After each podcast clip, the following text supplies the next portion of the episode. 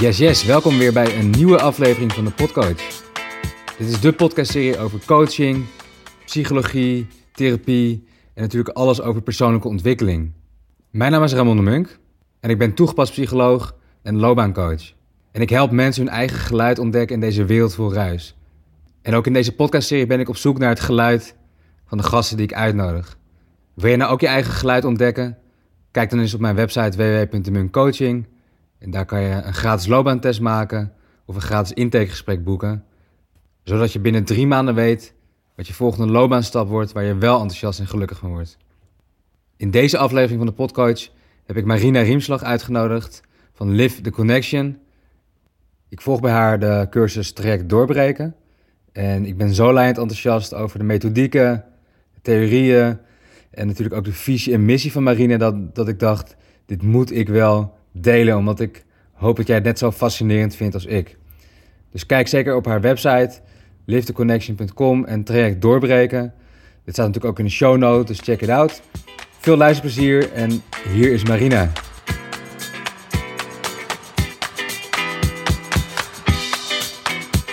Dankjewel om, uh, om naar hier te komen en met, met mij in gesprek te gaan over Liefde Connection.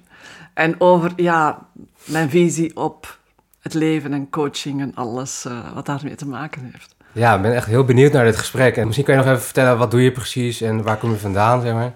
Wel, ik, ben, uh, ik word volgend jaar 65.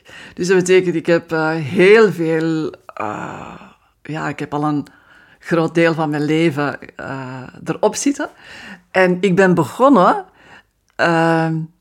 Ik was heel erg geïnteresseerd in spiritualiteit. En ik was heel erg geïnteresseerd in het lichaam. Dus uh, mijn eerste opleiding is verpleegkundige.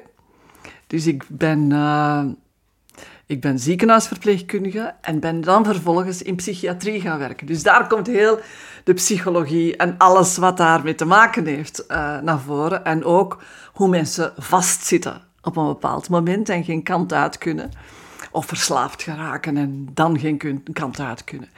En ehm, ja, gedurende die, dat werk als verpleegkundige uh, was er een, een, een, vrouw die niet kon sterven. Oh jee. En uh, ik wist vanuit de intake die ik mee, waar ik bij betrokken geweest was, dat zij misbruikt was door haar uh, schoonzoon. En toen ik alles wat verpleegkundige, alle technische dingen losliet. En deed wat mijn hart vroeg, namelijk haar in mijn arm nemen en haar zacht strelen. Toen is ze zo overgegaan. En dat heeft diep impact gehad op mijn, uh, mijn manier van kijken en mijn omgaan met mensen. En we kunnen mensen zo goed verzorgen als dat we willen. Als we niet echt in contact gaan en bereid zijn om, om echt mee te leven met wat zij leven. En de hobbel te nemen die zij moeten nemen om tot rust te komen. Of tot vrede te komen, of hoe dat je het ook noemt. Dan, uh, ja, dan missen we een stuk de boot. Hè? En dan laten we die persoon eigenlijk in, in conflict, in eenzaamheid. Uh, wow, en of dat dan nu bij sterven is, of dat dan nu bij leven is, het gaat er natuurlijk niet alleen over uh, bij sterven. Dus in, dat heeft een switch gegeven in mijn carrière. Dat was de eerste switch. Uh, ik dacht, ja, als verpleegkundige kan ik te weinig doen. Ik wil geest, de geestelijke verzorging. Dus heb ik uh, vier jaar, een, ik ben van achtergrond katholiek, heb ik vier jaar een priesteropleiding gedaan en ben ik als geestelijk verzorger gaan werken. En iedere keer ehm, in, in randsituaties. Ik heb dus altijd de rand opgezocht. Ik heb stages gedaan bij mensen met aids, bij kinderen met neurologische problemen. Dus echt daar waar je denkt, ah, dat ziet er hopeloos uit. Jeetje, ja. Dus ik, ik heb altijd die randsituaties opgezocht om te zien van, is er daar een antwoord mogelijk? Op welke vraag? Oh, een antwoord op uh, mens met mens zijn en, en mensen over een drempel heen helpen, zodat je dat het leven lichter wordt. Hè? Mooie intentie. Uh, Ja, dus, dus, dus, dus altijd... En, en dan vervolgens mensen te helpen zichzelf te helpen. Hè? Want uh, ik ben een tussenschakel. Als ik jou de tools geef om te... Uh, je kent dat verhaal van te vissen. Hè? Ik kan jou vis oh, ja. voeden, maar ik kan jou ook... Als je leert vissen, dan... Ik ja. kan jou ook leren vissen. En dus dat is dan... Zo ben ik uh, alsmaar verder gerold. Ik, ik heb onderzoek gedaan uiteindelijk. Ik heb onderzoek gedaan naar hoe komt het dat we ons nu en dan als professionals niet correct gedragen. En dus eigenlijk, hoe komt het dat ik soms boos word? Dat ik soms uh, ja, geïrriteerd doe of ja, eigenlijk de ander niet meer zie. Wat bedoel je dan omdat je je eigen instrument bent, ook als je aan het verzorgen bent? Ja. Ja. En dus, uh, want ik ben dan de geestelijke verzorging ingegaan, dus ik ben dan begonnen met begeleiding doen. En en dan vervolgens heb ik vrouwen na abortus begeleid. Zie je altijd weer de, de, de, de mensen die het meest moeilijkheden hebben. Zo, ja, die het echt nodig hebben. Ja. Daar zit mijn hart het meest. Dat, dat, dat, ben ik heel erg... Uh, ik, ja, als, als, en ja, jongeren zijn daarin voor mij heel belangrijk. Omdat als ik een jongere help van 20 ja, dan, dan zorg dat hij de rest van zijn leven veel, veel makkelijker leeft. Als ik iemand help van 65, ja, dat betekent dat daar minder, ja, dat daar minder rendeert. Ja. Dus als, als, als er jongeren zijn, dan, dan uh, ja, dat vind ik altijd heel belangrijk, omdat ja, ja, alle interventies die, die, die renderen veel meer. Plus, uh, als je iemand inzicht in zijn leven kan geven, dan, dan maakt ook een heel groot verschil dat je houvast hebt in, in het kijken naar wat je doet of laat. Hè? Dus dat, uh, dat vind ik ook heel belangrijk. Dus psycho-educatie is voor mij ook een belangrijke pijler. Ja, je noemt een hoop mooie dingen, maar ik wil nog even terug naar dat moment dat je die persoon bij het sterven begeleidt. En je zegt van god, door die verbinding kon diegene die drempel over en daardoor rustig sterven eigenlijk. Maar je, je noemt die dan die menselijke verbinding, wat je heel graag wil uitdragen. Is dat dan ook het moment dat je dacht van... hé, hey, dat is een goede naam voor Living the Connection... waar, waar die verbinding nee, ontstaat eigenlijk? Wel, het, het, je hebt altijd verbinding nodig. Hè? Dus echt letterlijk uh, de verbinding in je brein. Hè? Je hebt de verbinding tussen jouw brein en je lichaam, die moet heel stromen. En de verbinding tussen ons en de verbinding tussen ons en de hele mensenfamilie en deze hele aarde waar wij interafhankelijk mee zijn. Hè. Dus ja, verbinding is, is... Ja, zonder verbinding leven wij niet. Hè. Nee. Dus, en die verbinding leven, daar bewust van zijn, maar ook die realiseren. Hè, want een blokkade is altijd een gebrek aan verbinding. En die gebrek aan verbinding, die ontstaat door trauma. En trauma is controleverlies. En dat is... ja, daar zijn we meteen bij een mooi punt aangekomen. Uh, bij the Connection gaat het natuurlijk om die nieuwe verbindingen te herstellen of aan te maken. Dus dat is eigenlijk neurologisch. En dan bedoel je neurale paden in ons brein. Ja. Uh, je noemt al dus dat, dat door trauma en controleverlies is daar dus iets misgegaan. Kan je misschien uitleggen hoe dat proces werkt? Wel, ons automatische systeem, dat is ons onderbewuste. Hè? Daar zitten al onze impulsen, al onze data, dat is onze database. Hè? Dat hele automatische systeem, dat is zintuigelijk opgebouwd. Is het ook waar je instinct dan zeg maar zit?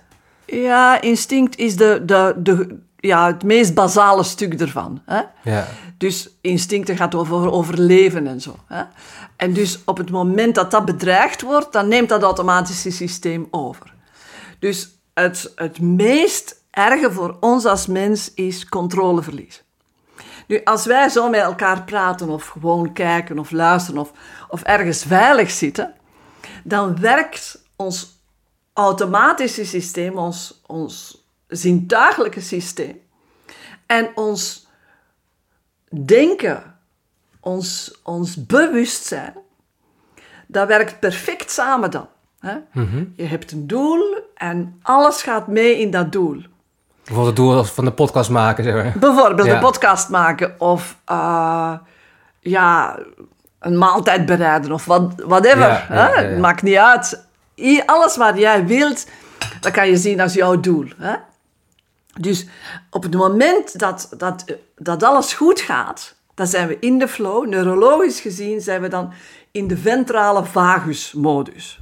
Dus maar dat is het neurologische systeem, dat is automatisch. Is het een soort zenuwpad? Uh, ja, dat zijn zenuwpaden en die volgen wat je wilt.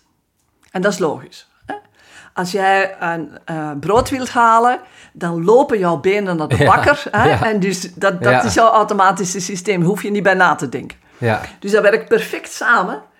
En op het moment dat wij uh, trauma meemaken, dus controleverlies, op dat moment um, gaat die samenwerking tussen wat je wilt en je automatische systeem, die houdt even op. Mm -hmm.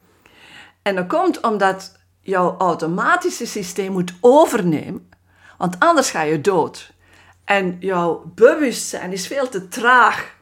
Dat gaat denken, wat moet ik nu doen? En al dat soort zaken. Dus op dat moment neemt jouw automatische systeem over. En er wordt wel het beeld gegeven van een leeuw die dat jou aanvalt, maar hetzelfde van, uh, stel, uh, je, je wordt omvergelopen op straat. Op dat moment neemt jouw automatische systeem het over om te zorgen dat je goed valt. Ja, precies. Je hoef je niet beginnen ja. na te denken. Maar ik heb zelf ook weer vlam in de pan gehad. Dus, dus bij mijn ouders, toen ik, ik was 16, toen stond de keuken helemaal in de fik. Dus dat is ook een vrij traumatische gebeurtenis, controleverlies. De telefoon deed het niet. Dus maar met mijn, gedachten kon ik nog wel van... oh ja, ik moet er een natte doek opleggen en de deksel erop. Maar het ging toch door de, uh, door de afzuigkap door. Dus in zo'n situatie, hoe werkt het dan? Zeg maar dat mijn automatische systeem wordt aangesproken om te overleven... en mijn, mijn, mijn gedachte, mijn ratio gaat dan eigenlijk te langzaam? Of hoe, hoe kunnen we dat... Ja, dus normaal, bij een normale ervaring, als je normaal gezien staat te koken dan werken dus jouw bewustzijn en onderbewuste samen. En alles wat je doet, dat wordt dan opgeslagen in jouw elektromagnetisch veld, in jouw database. Hè? Als je iets nieuw kookt bijvoorbeeld, dan weet, kan je nadien nog perfect vertellen wat je allemaal als ingrediënten hebt gebruikt. Hè? Ja, wat je gedaan ja. hebt. Maar als er dus zoiets traumatisch gebeurt, dan neemt jouw onderbewuste het over om jou in veiligheid te brengen. En inderdaad, je hebt dan ergens gehoord. Ik moet daar een natte doek over leggen. Ja, hè? dankjewel mama. Dat heeft zij al vroeger altijd, altijd al uh, gezegd. Ja, dus, dus jouw moeder heeft jou dat ingeprent. Ingeprent, ja. En je hoeft daar niet aan te denken. Die gedachte komt automatisch op ja. vanuit jouw beveiligingssysteem. Dus alles wat, wat jou in veiligheid brengt, dat, dat komt automatisch naar voren. En je kan dus op zo'n moment ingewikkelde dingen doen maar jou, je mag daar niet bij nadenken. Dus jouw bewustzijn valt uit. En jouw onderbewuste, je gaat eigenlijk volledig op automatische piloot. Omdat het sneller werkt. Omdat het veel sneller ja. werkt en je geen tegenstand krijgt. Hè? Ja. Hey, dus op dat moment maak je op het ergste moment daarvan het ergste controleverlies, dan maak je geen herinneringen van aan omdat om herinneringen te maken, daar, daarvoor heb je die samenwerking nodig van dat bewustzijn en dat onderbewuste.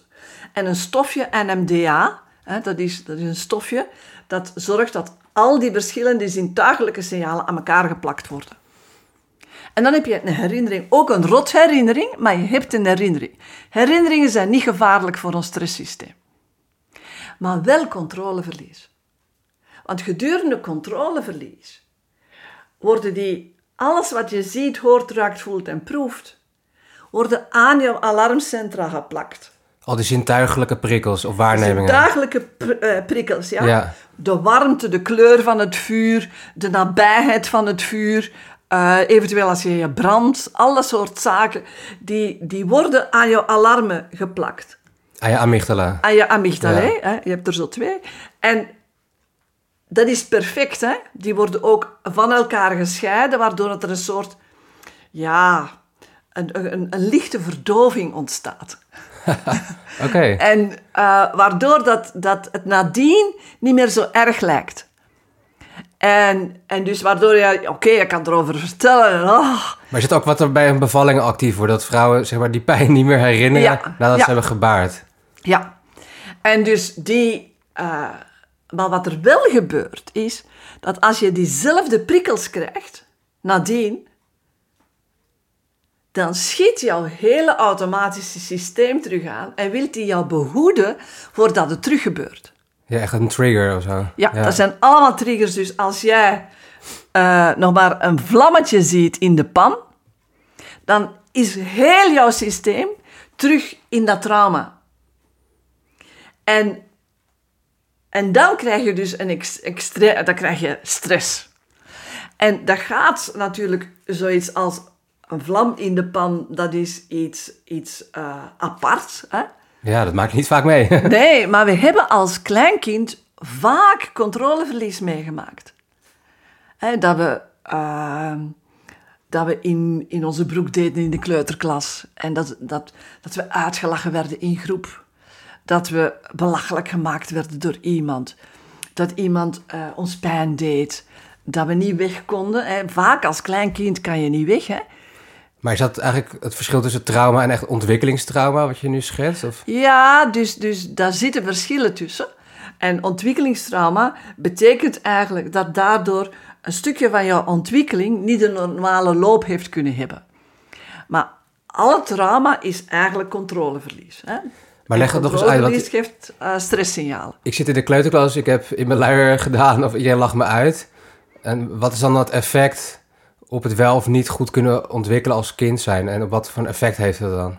Wel, het, het kan twee kanten uitgaan. Enerzijds kan het zijn dat ik uh, mijn plas of, of, of uh, dat, ik, dat ik dat heel erg ga ophouden en daar heel veel druk ga opzetten.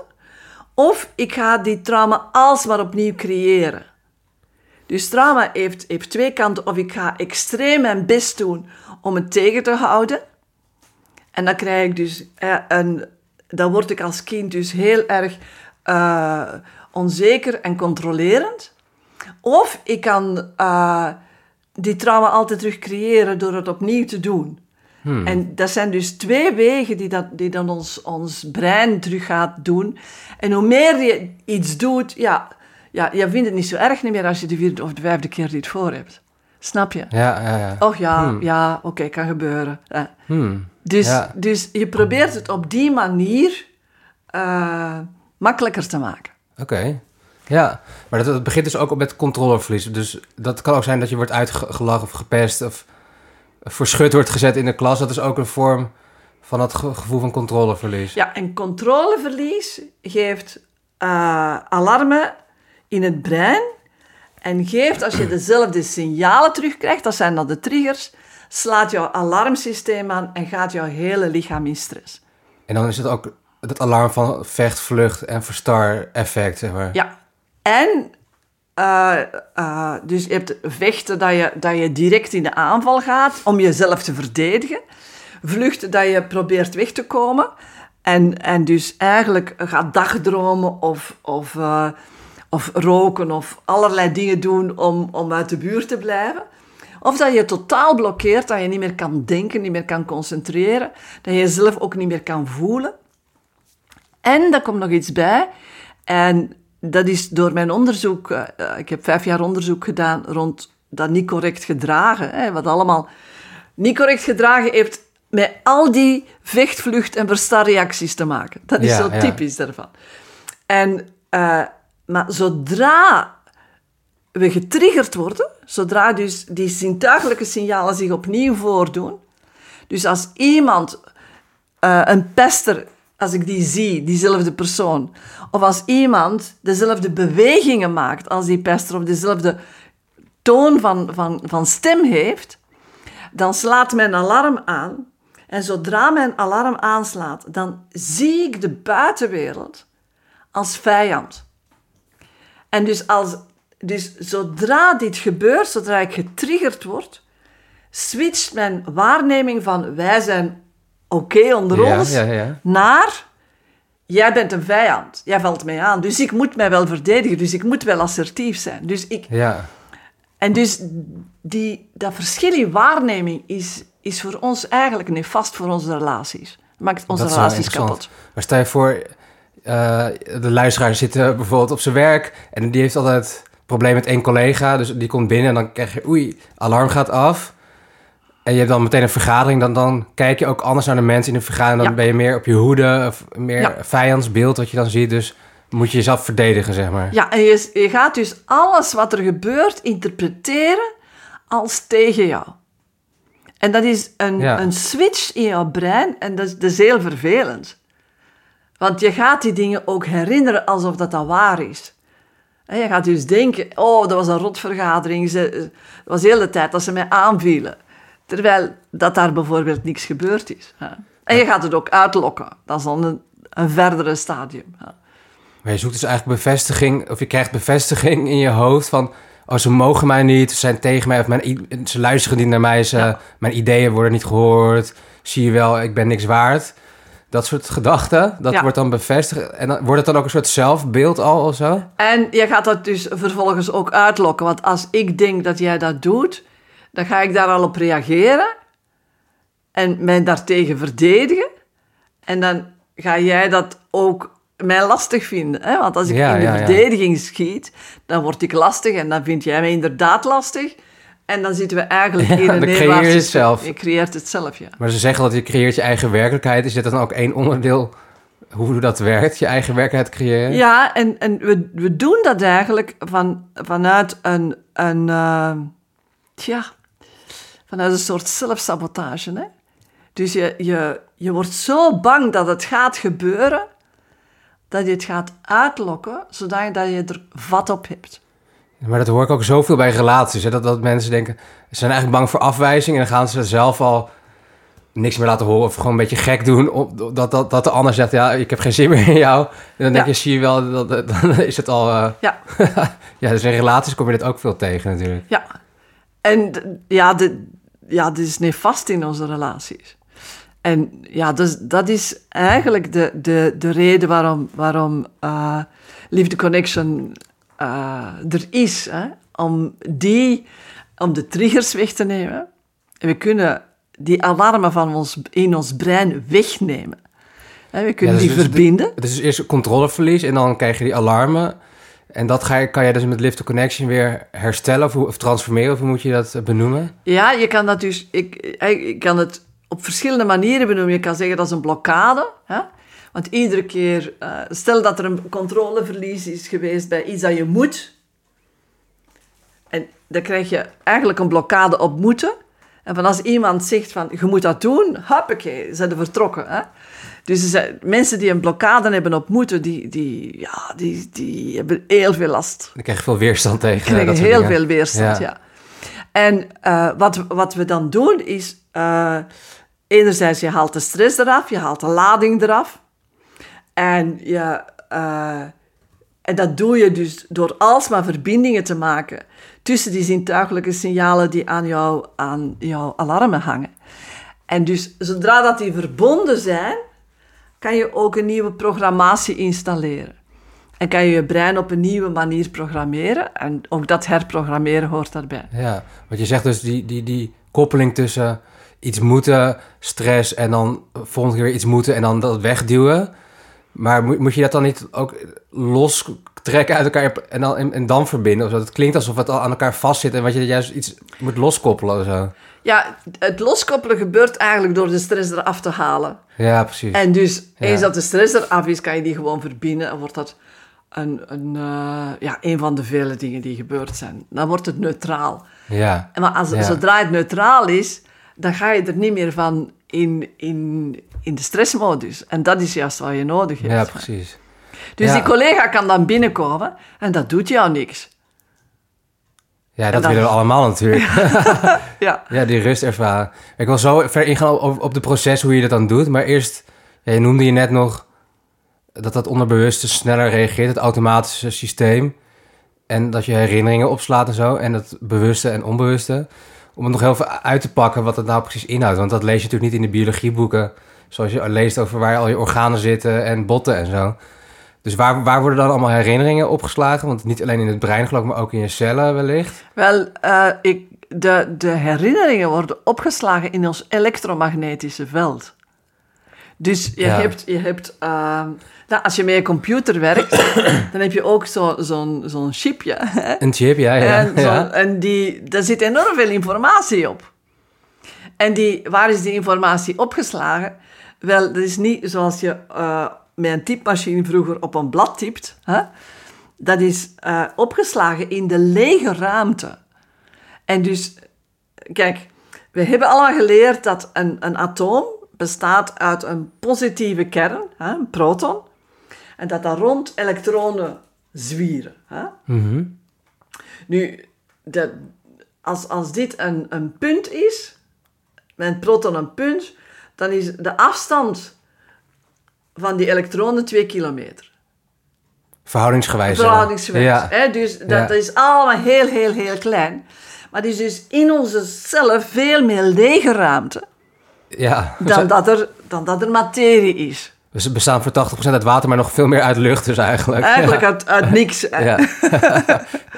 En, en dus als je een, een positieve kern hebt en een negatieve elektronen, dan is die lege ruimte gel- elektromagnetisch geladen. En in die elektromagnetisch geladen ruimte, daar wordt de informatie gestockeerd. Maar is het in ons brein of ook in ons eh, Overal. lichaam? Overal. Dus zowel in, in ons lichaam als in eh, ja, de, de, de lagen rond ons lichaam.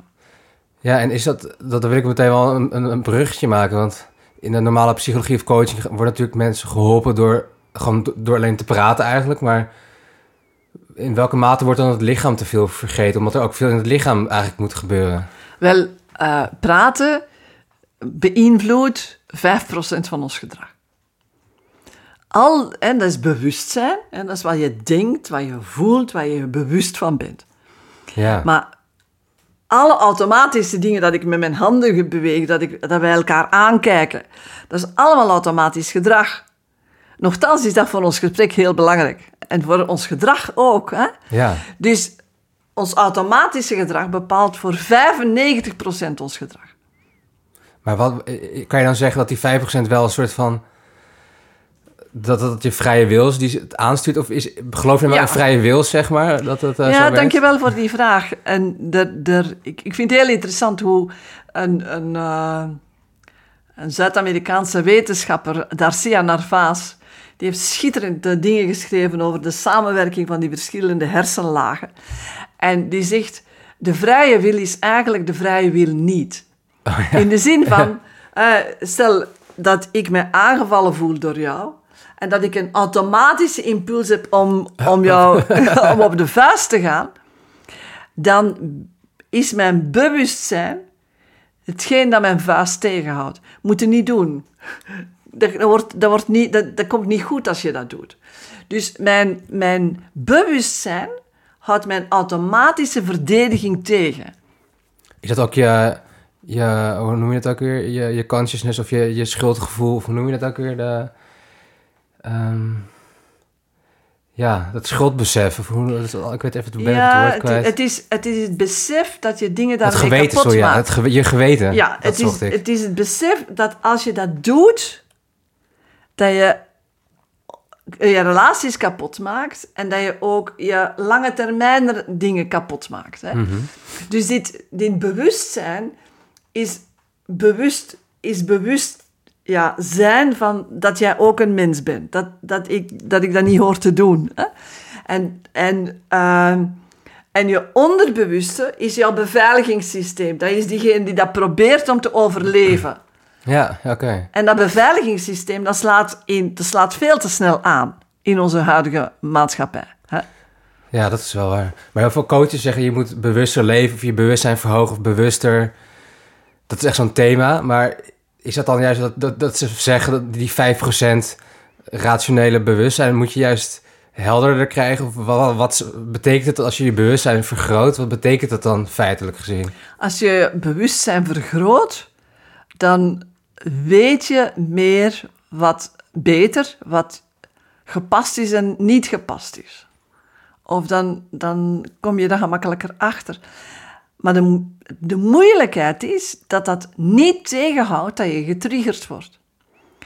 Dus stel van die collega die binnenkomt, hè, waar die eh, is rot tegen jou gedaan heeft en dus denk je, oei, die gaat terug rot doen, hè, want dat is dan jouw automatische systeem heeft daar controleverlies van, heeft daar een angst van opgedaan. En dus van zodra dat hij zich laat zien, gaat jouw lichaam in stress. Hè? Uh, jouw bewust kan je denken, oké, ga eens met die collega praten. Ga eens uh, daar een andere relatie mee aan. Zie eens wat hij doet. Hè? Maar onderbewust, dat jouw systeem aanslaat, dat lost dan niet meer op. En dus je kan wel bedenken, oh, dat is een gewone mens en, en uh, die heeft het, dat is wel oké okay mee hem. Maar ja, jouw ja. buik blijft ja. lastig doen. En dus wat ga je dan doen? Je moet heel veel inzet doen. En inzet vraagt inspanning. En uh, professor Geraars, Selke Geraars, die heeft uh, heel wat onderzoek gedaan rond inzet. En dus inzet is, ja, dat is uitputtend. Als je iets op inzet... Als, kijk, als ik heel ja, veel dingen ja, ja. op inzet moet doen gedurende mijn werk, dan heb ik s'avonds niks rekening meer. Dan, moet ik, dan kan het er niet meer bij. Nee, dan is je emmertje vol. Ja, terwijl als, als ik die alarmen weghaal, dan moet ik mij niet meer inzetten. Dan gaat dat vanzelf. En dan kan ik vanzelf dus gemakkelijke relaties aangaan. En natuurlijk is het interessant om te zeggen van... dat is een collega, dat is, dat is iemand zoals jij... dat valt best mee samen te werken. Ja. Maar als jouw buik heel de tijd in alarm gaat... of jouw hart of, of welk signaal je ook krijgt... dan, dan zijn dat maar woorden. Maar is het eigenlijk het verschil tussen ermee om leren gaan? Want dat, zeg, dat, dat heb je ook wel eens in je boek geschreven, volgens mij. Van, ja, mensen willen altijd ermee leren omgaan. Ga maar leren omgaan met lastige collega's. Maar zoals jij het schetst, is haal de stress eruit de negatieve associatie met die collega of de, de, de, de herinnering, verbindt dat opnieuw, waardoor je niet meer ermee om hoeft te leren gaan, maar dat het van nature ja, dat het verlicht is, zeg maar. Ja, sommige, sommige dingen hebben ook niks met die collega te maken. Hè? Als jij, uh, stel je hebt een, een conflict met je vader gehad, en dan lijkt die collega op jouw vader, en dan ben je getriggerd van als je die collega ziet. Ja. En dus die persoon die kan doen wat hij wil, uh, jij ziet die als vijand, want jij bent getriggerd. En jouw waarneming is eigenlijk verdraaid geraakt. En dus ja. Dat is vrij hardnekkig. En hoe, hoeveel mensen denken wel niet dat in zo, die, die dan permanent in zo'n zo soort vecht, vlucht of verstar situatie leven, of dat het zo slijmerend door alles verweven is in het dagelijkse leven. Dat, is, dat is een van de dingen die uh, mensen dan ontdekken van verdorie, ik lijk wel nagenoeg de helft van de tijd in de stress. Of soms veel meer. Hè? Ja. Dus en het op zich, ja, dat vijandsbeeld is lastig. Hè? Want dat gebeurt automatisch dat je een, een vijandsbeeld krijgt. Als jij in stress bent, dan ga je dus de wereld vijandig zien. Maar ook jouw lichaam gaat in een andere automatisch systeem schieten. In dus die vechtvlucht en verstarm, eh, vlucht- en vluchtmodus. En dat is een ander automatisch zenuwstelsel, het sympathisch zenuwstelsel. En dat, dat maakt dat, er, dat alle bloed naar jouw armen en jouw benen gaat. Om te vechten of te gaan lopen. Oh ja. En dus als alle bloed naar jouw armen en jouw benen gaat, dan kan je niet zo goed nadenken. Maar dat gebeurt ook veel met mensen met burn-out, toch? Dat ze last van hun armen krijgen. Ja, en die krijgen heel veel spierkramp kramp in hun armen en in hun benen. En uh, als dat bloed niet in jouw brein zit, in jouw, in jouw hersenen, maar als je heel veel hartkloppingen hebt en, en oppervlakkig gaat ademen, krijg je dus ook uh, hartritmestoornissen, krijg je hyperventilatie, krijg je ook, uh, ja, als, als alle bloed naar je spieren van armen en benen gaat, gaat dat ook weg uit je huid, krijg je ook veel meer huidaandoeningen. En werkt jouw maag-darmsysteem niet goed, dus krijg je last met maagpijn en, en last van je darmen. Dus er zijn heel veel... Het is niet alleen, hè, je gaat in stress omdat je iemand... Omdat iemand signalen draagt van wat er vroeger gebeurd is. Um, en, en daardoor ga je dus de wereld rondom jou direct als vijand zien. Ja, maar ja. jouw lichaam heeft daar zoveel last van. En op termijn krijg je dus ja, ja, aandoeningen daarvan. Stress uh, veroorzaakte aandoeningen. Ja. Maar wat ik wel merk is dat heel veel mensen die denken van... oh, ik heb helemaal niet zoveel stress of eigenlijk heb ik niet zoveel stress. Maar eigenlijk als ik dit soort verhalen hoor van jou... dan moet het wel zijn dat iedereen genoeg stressoren of stressreacties heeft of triggers heeft, waardoor je toch Ja, hoe, hoe komt het dan dat mensen er toch niet altijd bewust van zijn dat er dingen gebeuren in je systeem? Ja, er zijn verschillende dingen. Ja, dokter Swinnen die zegt, we hebben zo 8 tot 12 keer per uur gaan we in de stress. 8 tot Gemiddeld. 12 keer, ja. 8 ja. tot 12 keer per uur. Ja. Ehm, nu, we zijn gewend daarmee te leven. En we hebben eh, ja, van thuis uit ook iets van, je moet daar niet op letten, dat is normaal. Hè, je, je, je moet daar niet mee bezig zijn. Nee. Dus eh, Gewoon flink zijn en, en sterk flink zijn. zijn, flink zijn, doorzetten. ja. En eh, vooral niet, ja. En zo, zo leer je dus ook al die signalen niet te voelen en niet op te merken. En, eh, maar het gebeurt wel en je merkt dat je hoe langer, hoe negatiever gaat staan. Hè? Dus dat, dat je negatief gaat kijken en dat, dat het allemaal zwaar, zwaar, zwaar wordt. Dan wordt het echt een temperament of zo. Ja, dus ja, omdat, omdat het een, een voortdurende... Als je, als je stresssysteem aanslaat, dan, ja, dan zie je de wereld als, als vijandig. Dus hoe meer dat dat gebeurt op een dag, hoe negatiever dat je kijkt naar alles. Dus je wereldbeeld verandert. Dus Ja. je wereldbeeld verandert door stress. Ja, Maar het raakt mij altijd wel zo, want heel veel jongeren, tenminste dat, als je de cijfers bekijkt onder de jongvolwassenen, zijn, is er heel veel ziekteverzuim, veel burn-out, veel psychische klachten. Maar ik denk als je dat zo schetst van mensen negeren hun signalen langzaam, of wel vaker, dus gaan over hun grenzen heen, zijn, staan niet meer in contact met hun gevoel. En opeens, pap, burn-out, en dan is het te laat. En dan achteraf moeten ze, dus, oh ja, dan beseffen ze wat ze hebben gedaan. Te laat eigenlijk. Dat, ja, hoe, hoe kunnen we de luisteraar die denkt, die herkent dit misschien wel, die denkt, ja, wat moet ik hier nou mee? Hoe kan ik hiermee omgaan? wel, omgaan doen we dus niet. Hè? We Nee. leren ontstressen. Fout woord, ja. We leren ontstressen. Dus de, de eh, Liefde Connection heeft een heel eenvoudig proces, het ABC van ontstressen. Om direct de signalen die op, op het moment getriggerd worden, of die daar straks getriggerd worden, of waar je bang voor bent in de toekomst, eh, om die samen te brengen, om daar verbindingen tussen te maken. En dan kalmeert je hele systeem. En, eh, maar heeft verschillende van die processen om verschillende lastige situaties aan te pakken. Hè? Maar niet die twaalf keer per uur. Het is niet twaalf keer, Nee, keer je per uur hoeft dat niet twaalf keer per uur te doen. Nee. Maar als je het nu en dan doet, dan betekent die doordat ik... Oh, oké, je valt terug op nul. En dus dat betekent dat... oh, je kan Ja. dus terug opbouwen. En, en je bent dus terug open. En de dingen waar je tegenop zag, die gaan nu vanzelf. Dus de wolken, de lucht klaart weer, de wolken vertrekken. Als je er op tijd bij bent. als je hè? er tijd bij bent. ga je het ABC van ontstressen doen. En we hebben een online cursus daarvan. eh, online cursus ontstressen.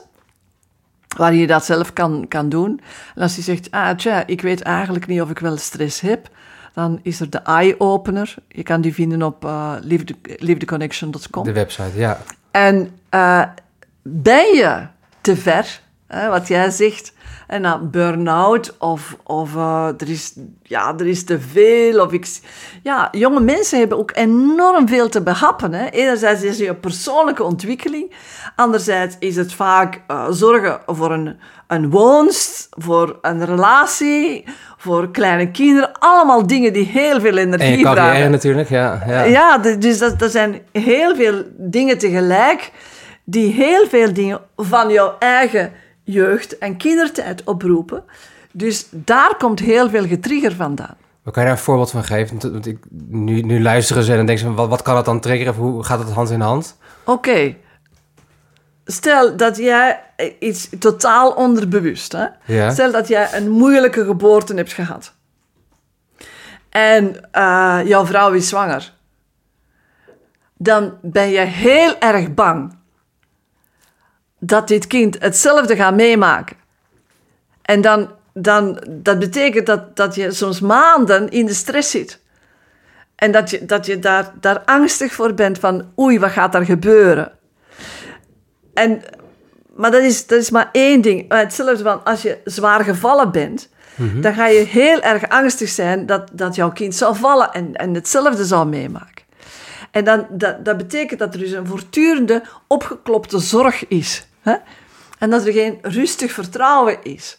Van, eh, dus dat, dat zijn heel wat dingen die, die nu spelen in heel, in heel dit gebeuren. En stel dat jouw ouders een lastige relatie hadden en jij bouwt nu een relatie op. Al die dingen komen terug. Hè? Ja, de history repeats. Ja, dus Dat, daar, daar, daar is heel Ja. veel. En omdat er dus heel veel leermomenten zijn en heel veel uitdagingen voor, voor, voor jongeren. eh, en allemaal tegelijk kan die, kan die belasting soms te groot zijn. ja, ja, duidelijk. En dan, Ja. daarvoor hebben we eigenlijk een, een elf maanden traject, traject doorbreken. Ja, wat ik Om nu dat zelf ook aan grondig het doen aan te pakken. Ja, daar ben ik nu zelf ook al halverwege. En eh ja, ben er echt lovend over. Maar mensen horen net van over het ABC. Die denken van, hè, wat is een ABC? Eh, ontstressen. Wacht even, wat is het nou precies? Kan je misschien uitleggen hoe dat werkt? Wat het Wel, is? het is zo dat, dat ehm, ik denk wetenschappers, psychologen weten allemaal, die triggers, die alarmen zitten aan jouw amygdala. En, maar niemand weet hoe krijg je die eraf.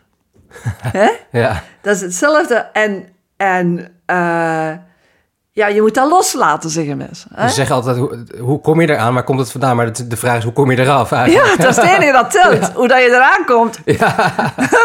Daar heb je per definitie niet eens een herinnering van, omdat er controleverlies is en dan maak je geen herinneringen aan, van aan. Dus dat is het ergste. Dus als dat, als dat bewustzijn en onderbewuste niet samenwerken, bij controleverlies, dan kan jouw brein geen herinneringen maken. Dus van de ergste momenten die je hebt meegemaakt, heb je geen herinneringen gemaakt, maar hou je wel alarmen over.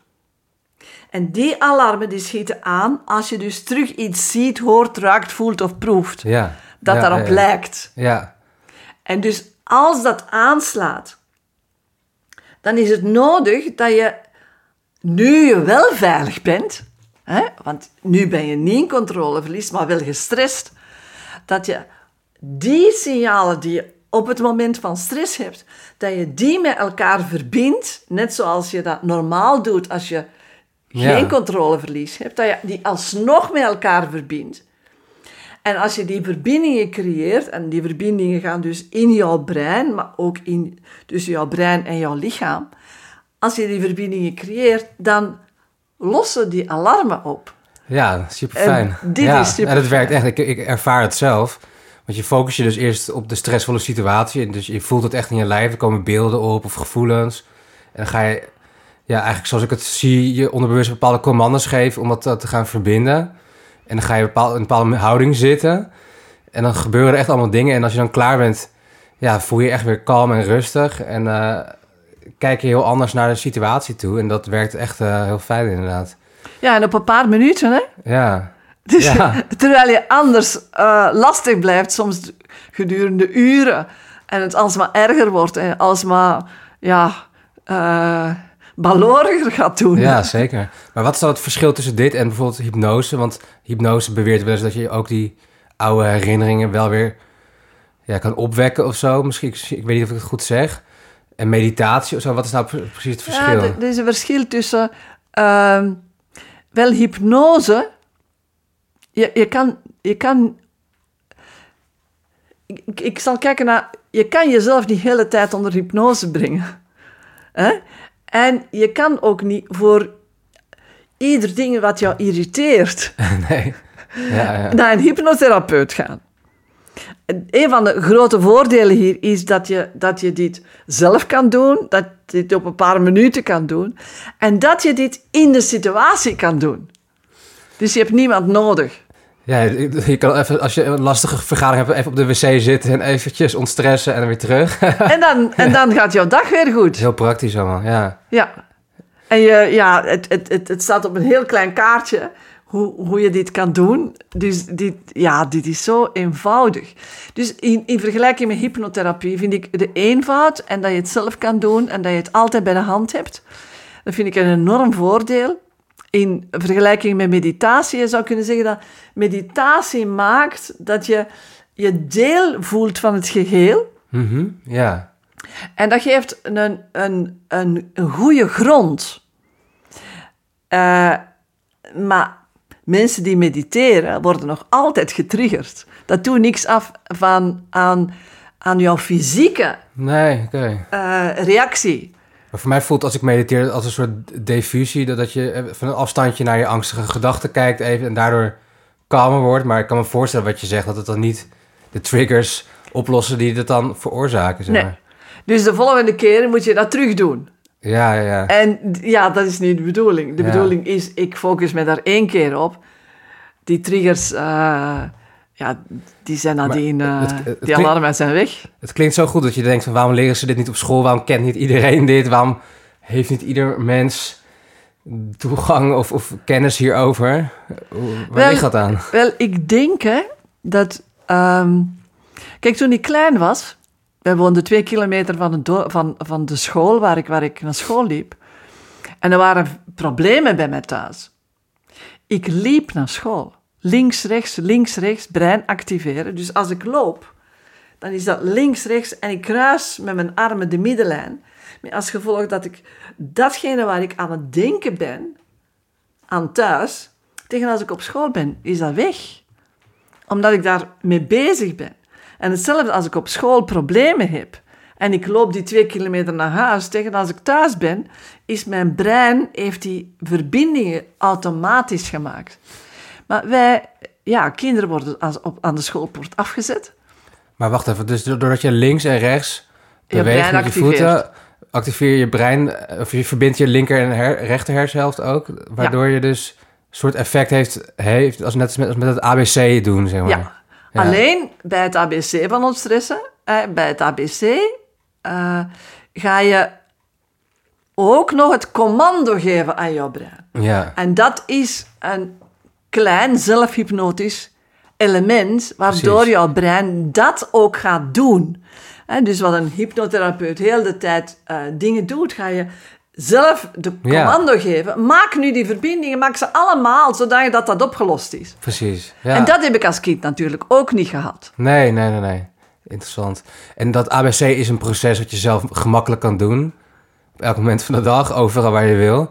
Maar voor mij voelt het alsof, alsof dat nog maar het begin is. Want Ja, daarna gaan we overtuigingen eh, aanpakken. Of slechte gewoontes, familiepatronen, trauma's. En van alles ga je nog En je haalt de stress uit de relaties, Ramon. Ja. Oh, op een half uurtje tijd is een relatie helemaal terug tot de kern en tot de liefde teruggebracht. Maar de relatie met je ouders, de relatie met je baas, met je partner, met je kinderen. Ja, het wordt zoveel eenvoudiger leven. En je kan dus veel meer zijn wie je bent. Ja, dat, dat, dat vind ik eigenlijk het meest fantastische. Dat je, eh, want wij zijn allemaal eh, ja, genegen, liefdevolle mensen. Wij willen voor elkaar en voor onszelf het beste. En het is de stress die maakt dat we zo vervelend doen. Hmm, maar ben je het dan eens met Rutger Bregman van de meeste mensen deugen? Is bekend van de beste Ja, ja, ja, ja, ja. De meeste mensen deugen helemaal. Totdat er Alleen, stress komt. Tot als er stress komt, ja.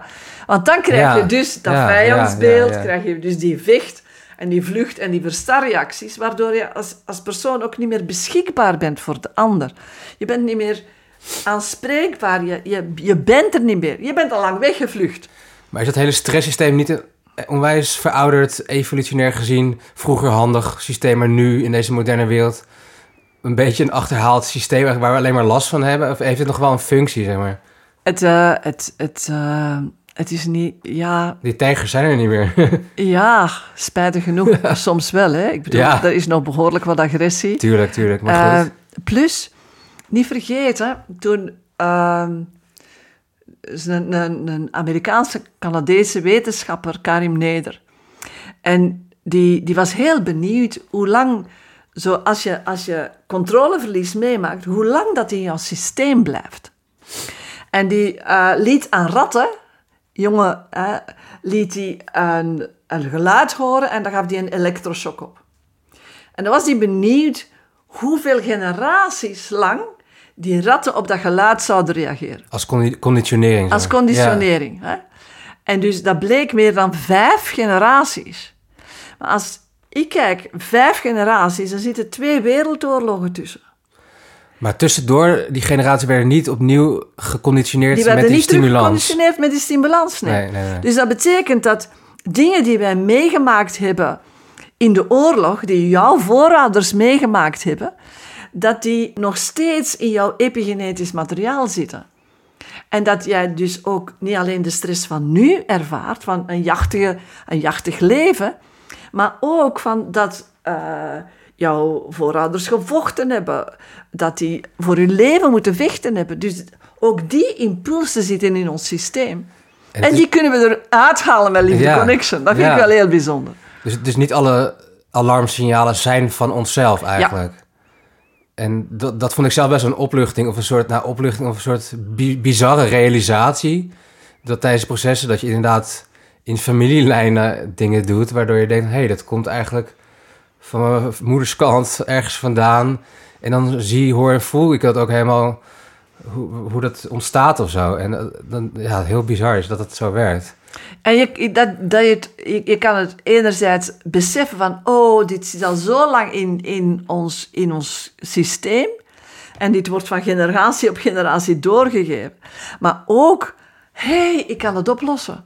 En niet alleen voor mezelf, maar ik haal het uit mijn systeem en daarmee ook uit het systeem van mijn kinderen. Dus dat, dat, daar, daar zit ook heel veel opluchting in. Ja, super mooi. En ik heb ook wel gemerkt bij de sommige processen, dus niet die ontstress, maar wat bijvoorbeeld uh, ophelding van relaties, wat je, wat je net zei, je gaat je relaties uh, verbeteren. Ik heb als voorbeeld heel veel soort van helderziende momenten gehad, want ik, je doet het dan samen met een trainingsgenoot en ja.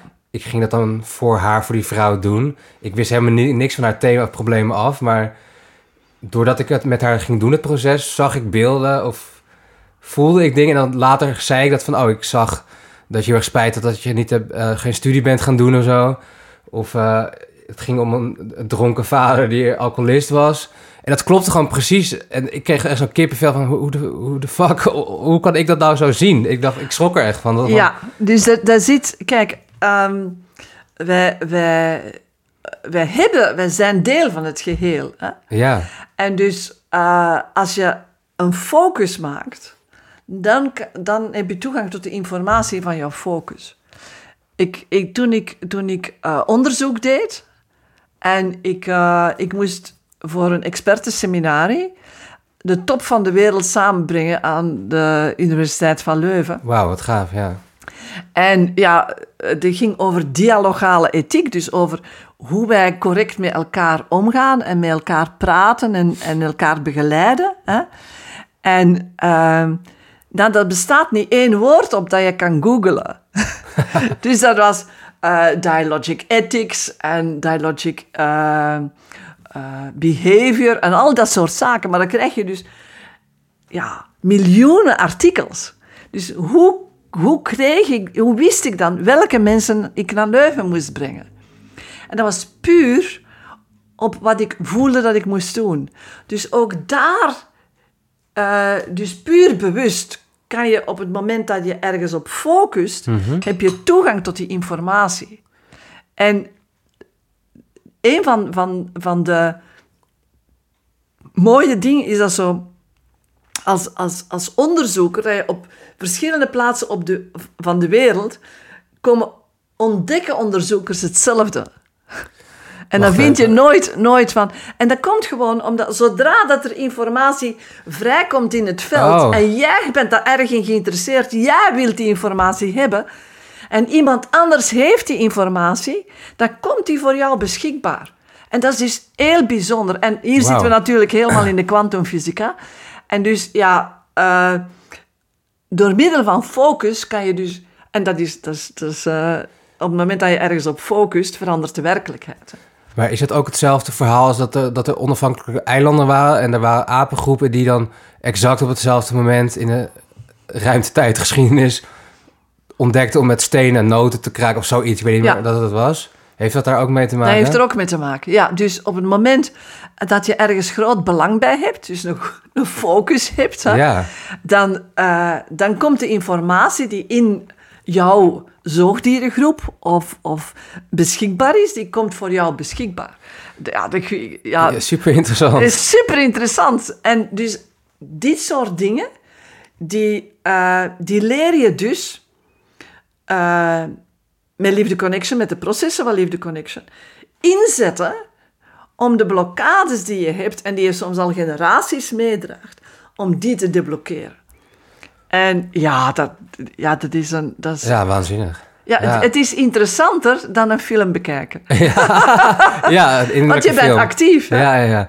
Maar om het even praktisch te maken, ik hou het altijd van om het praktisch te, te maken. Dus je, je focus je ergens op. Dus eh, de situatie is, ik organiseer een seminar met de wereldtop aan eh, wetenschappers.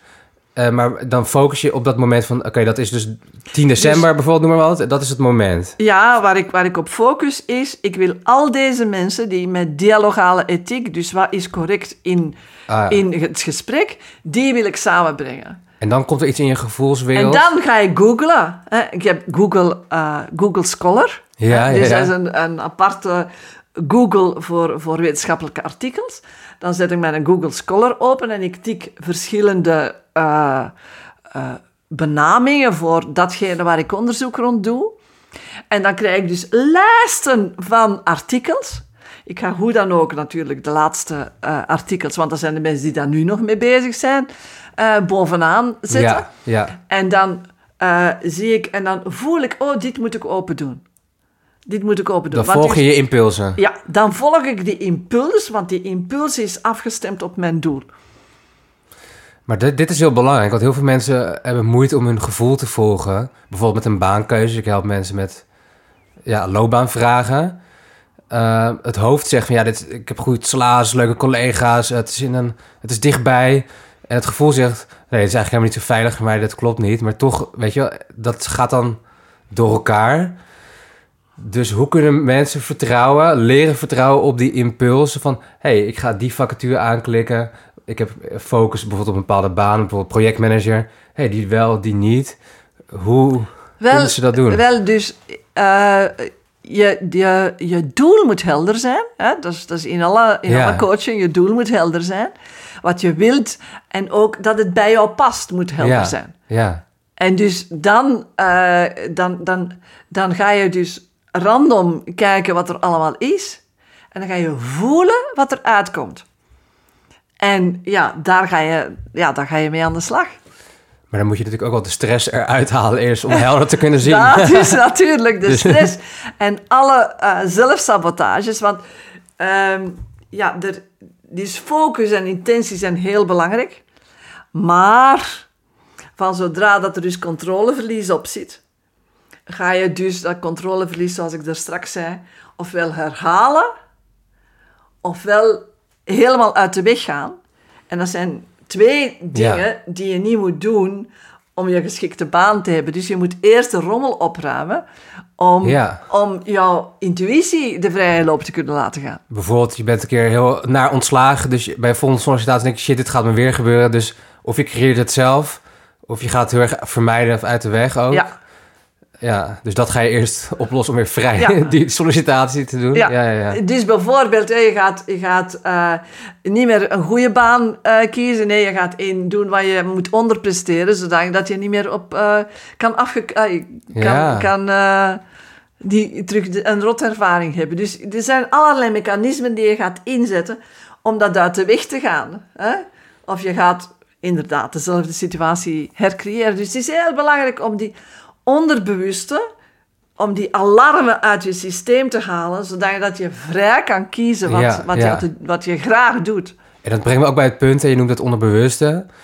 Ehm, bij Living the Connection gebruiken we ook vaak spiertesten om, als ik het goed zeg hoor, verbeter me als ik het, als ik het niet goed zeg, om te toetsen of wat je denkt of zegt ook klopt met je onderbewuste. Eh, bijvoorbeeld eh, ja, je eigen naam, dat, dat test dan sterk. En als je een andere naam zegt, test dat zwak. Dus hoe werkt dat systeem en waarom gebruiken we dat? Wel, het, het is zo dat van, zo, eh, van zodra ons brein in stress gaat, krijgen we stresssignalen.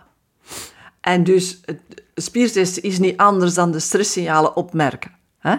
Dus sporters weten ook dat op het moment dat zij in stress zijn, dat hun, hun fysieke kracht vermindert.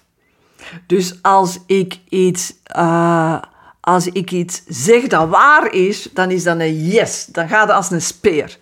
Maar als ik iets zeg dat niet waar is, dan is er stress in mijn systeem. En dan merk ik dat, mij, dat ik loom word, dat ik niet vooruit kan. En dat, dat, dat, dan merk je, je hoeft dat op zich niet te testen, want je merkt dat aan alles. En dus uh, die test is alleen maar een opmerken van, oh, ik, ik krijg hier een stresssignaal. En nu stresssignalen, dat is krachtsverlies, dat is niet kunnen slikken, dat is uh, last in je buik, dat is al die dingen. Alleen als je die georganiseerd gaat naar kijken, dan noemen we dat testen. Maar eigenlijk is dat gewoon kijken van, uh, hoe zit dat, welke stressreactie kan ik nu opmerken? Maar is het dan door je te focussen op een bepaald, bepaalde situatie en dan uh, merk je van, hé, hey, hier zit stress op, dus mijn spieren zijn nu even iets zwakker, zeg maar. Ja. Ja. dus dat is, dat is eigenlijk wat er gebeurt. Als ik denk aan een rotsituatie, ja, dan, dan voel ik al dat de energie uit mijn lijf gaat. Hè?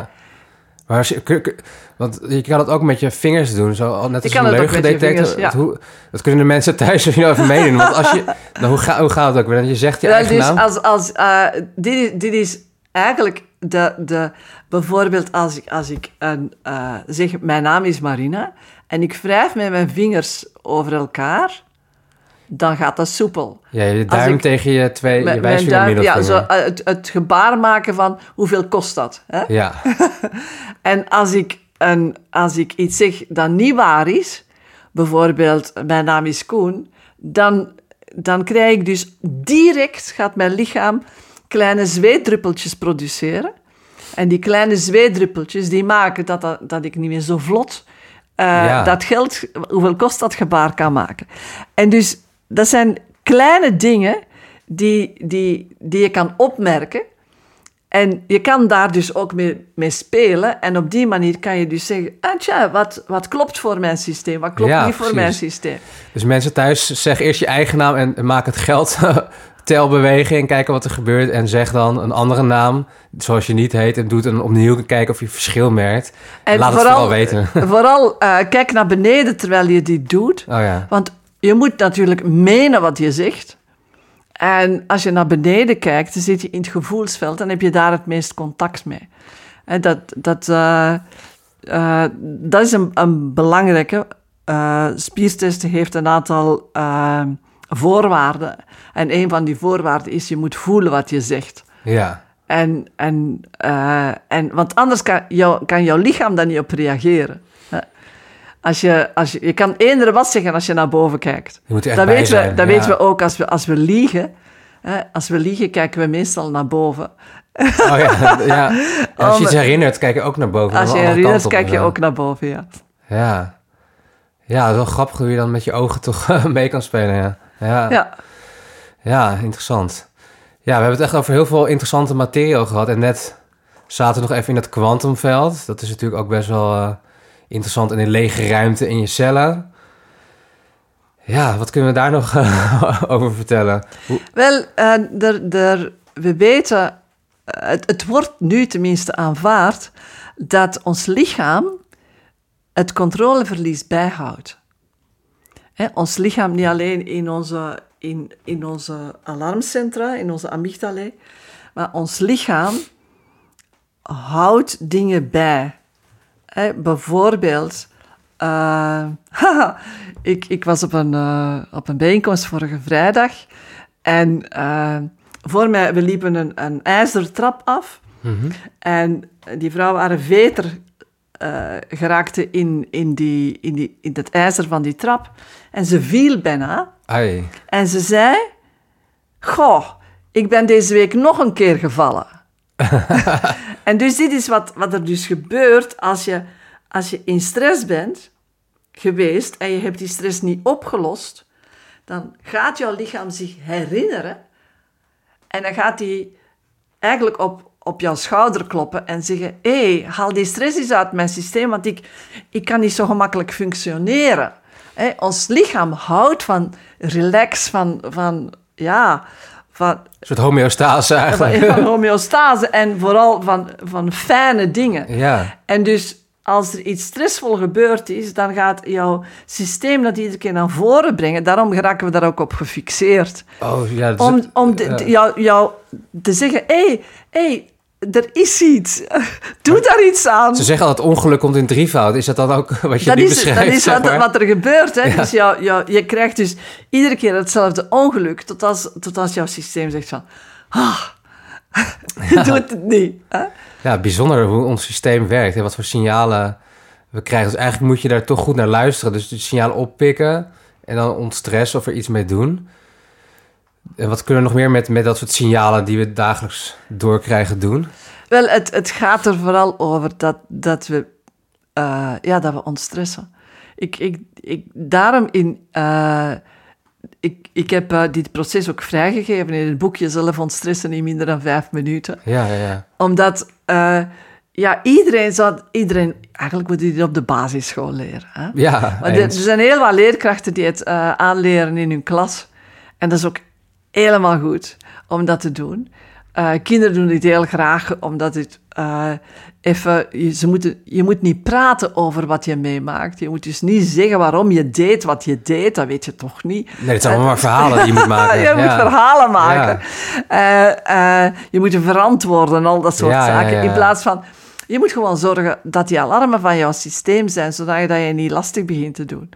Maar kunnen we dan de hele psychotherapie eh, opdoeken. Dat zeggen dat, dat eindeloos gepraat en geanalyseer en verhalen Uh, maken. Het, uh, psychotherapie plus liefde connection is ideaal. Hè? Omdat Ja. je dan en een deel psycho-educatie krijgt, eh, begrijpt waarom je doet zoals je doet, en anderzijds het ook echt oplost.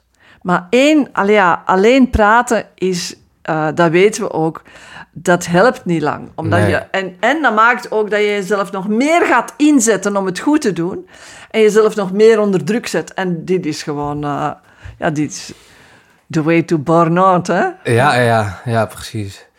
En nog iets anders. Eh, eh, Helemaal in het begin zei je van, goh, ik, ik hield van, of ik hou van spiritualiteit. Wat betekent dat eigenlijk voor jou dan?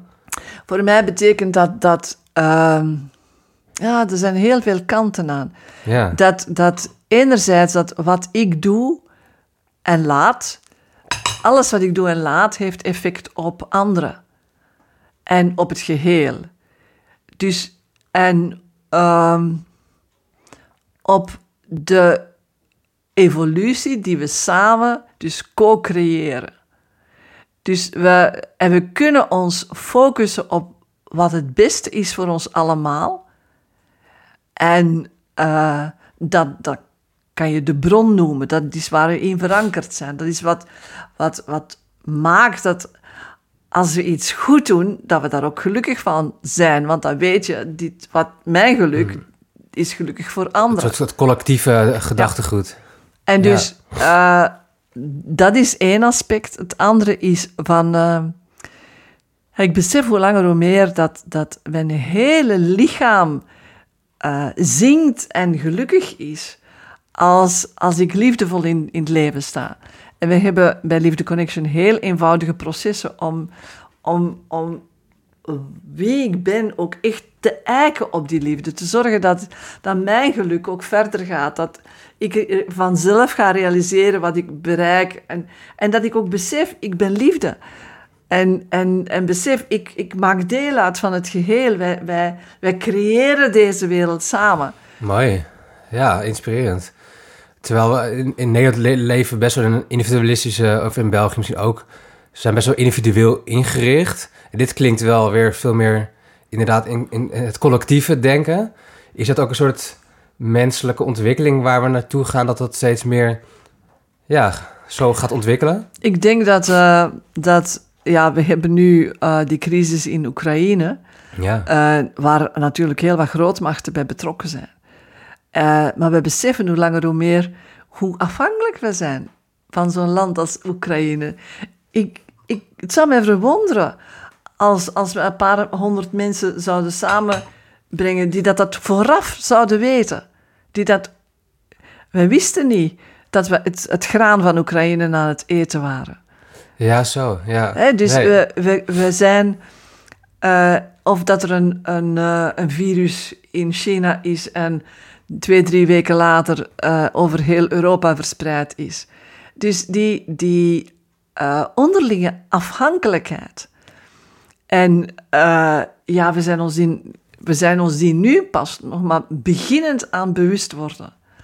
En ja, ik kom uit de ecologische beweging. Ik heb heel mijn leven uh, uh, heel begaan geweest met natuur. En ja, laten we zeggen 40 jaar geleden eh, ja, waren wij met die ecosystemen bezig en wisten wij dat onze watervoorziening onder druk kwam en vooral dat uh, ja, chemicaliën zo'n belasting zijn voor Ja, ja. ons en voor ons lichaam. En ondertussen zijn er zoveel chemicaliën bijgekomen.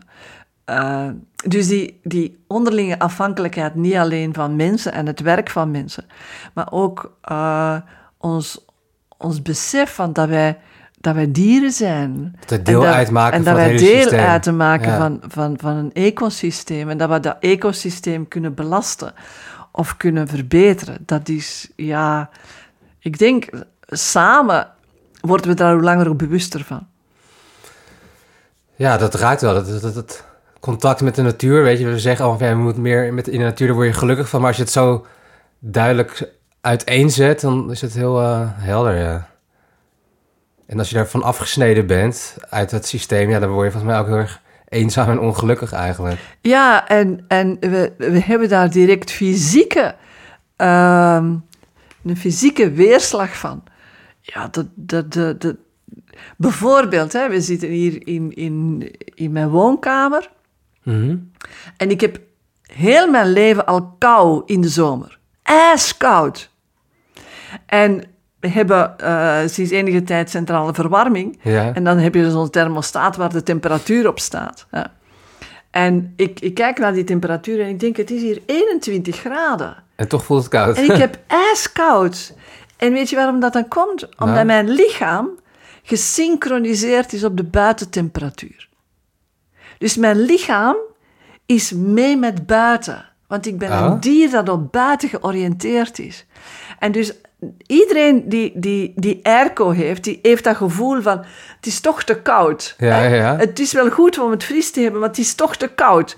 En dat heeft te maken met hoe, hoe, hoe, hoe warmer het buiten is en mijn lichaam ga- gaat automatisch mee met de warmte van buiten, hoe groter het verschil is met binnen Ja. en ik, hoe kouder ik het vind, terwijl het 21 graden in de winter denkt, het is hier om te ontploffen. Want ook dan is mijn lichaam Oh. gesynchroniseerd met buiten.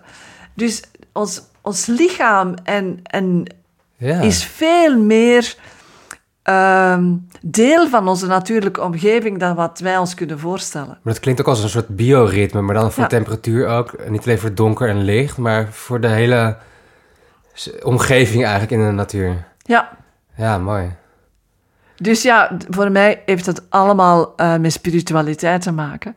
Omdat ik, eh, ik besef, ja, ik, ik ben deel van een veel groter geheel waar ik Zeker, ja. eh, enerzijds deel van ben en, en dus zorgzaam mee, mee, mij zorgzaam mee gedraag. En anderzijds waar ik ook leven uitput. hè.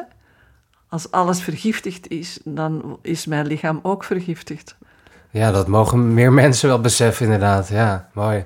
Maar waar ligt dan voor jou de grens binnen spiritualiteit? Ik vind het zelf ook fascinerend. En, maar ja, je hebt ook mensen die dan met edelstenen allerlei dingen doen... of dat heel erg zien, of met astrologie of zo. Dus waar, waar ligt voor jou een beetje de grens van, van wat bij je past, zeg maar nog?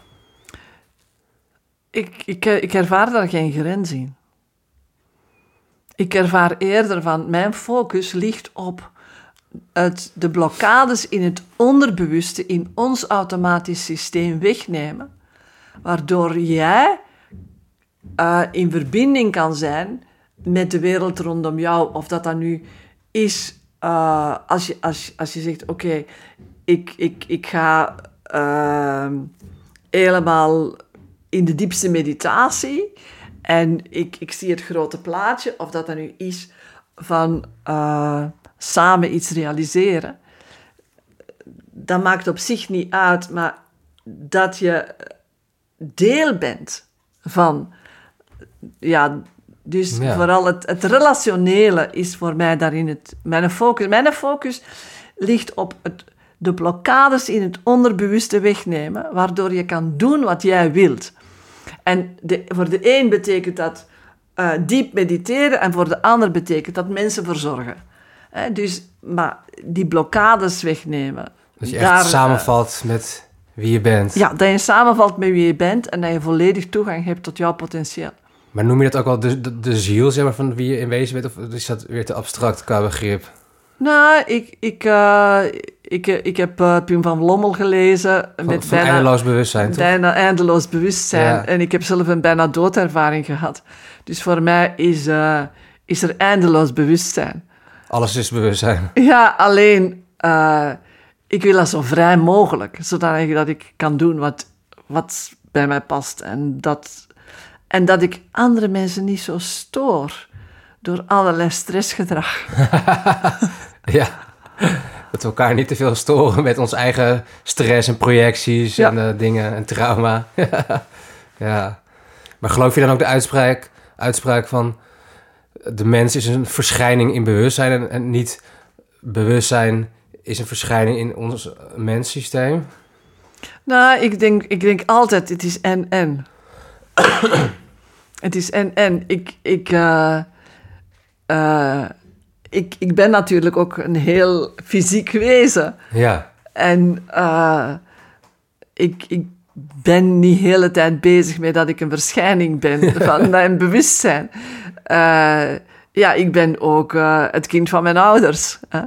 Dus, al ja, en dagdagelijks heb ik daar veel meer mee te doen dan... eh, Ja. dan, dan Ja. eh, maar het, het hoort bij elkaar. Het hoort echt bij elkaar. Ja. Ja. mooi. En, en wat is, we kunnen met onze mind, met ons, ons bewustzijn, onze automatische programmering veel verder beïnvloeden en veel verder opruimen dan we doorgaans denken.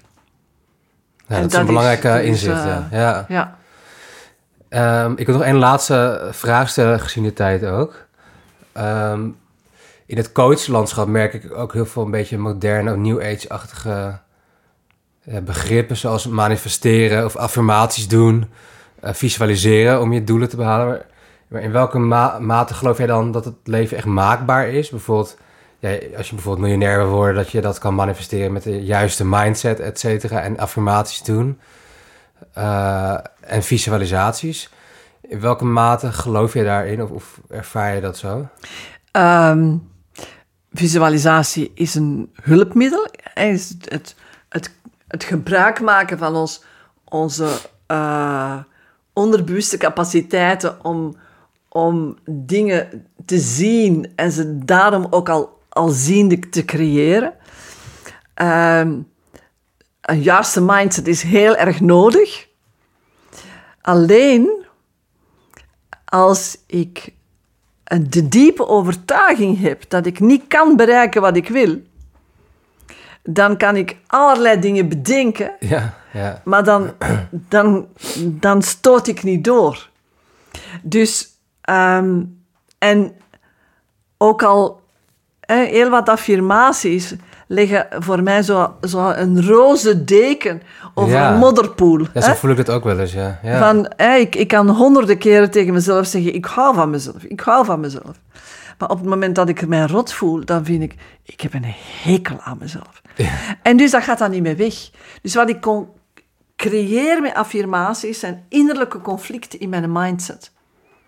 En dus die innerlijke conflicten, want het ene is er en het andere is er. Dus ik creëer eigenlijk een innerlijk conflict. Die, die moeten we oplossen. Want anders blijf ik dus mezelf een rotmens vinden, terwijl ik zeg, ik hou van mezelf. ja, ja, mooi gezegd. Dus het zit echt in die wezenlijke overtuiging over jezelf, die dat dus bijvoorbeeld door familiepatroon of trauma in je systeem zit. Ja. Bijvoorbeeld, ik mag niet succesvol zijn, of ik ben een mislukkeling, of, of wat voor overtuigingen ook. En door, ook door loyaliteit aan thuis. Hè. Als, eh, eh, dus een van de grote problemen in de armoedebestrijding bijvoorbeeld is dat eh, enerzijds zijn we fier op degenen die dat, de armoede ontgroeien, maar anderzijds mag je niet. Het zijn heel wat culturen waar je niet boven de ander mag uitsteken. Dus waar. Eh, dus ik ben loyaal aan. Hè, stel dat mijn vader drinkt. Hè, ik dan, en ja, ik, ik, ik merk, ik, ik, ik drink ook geregeld.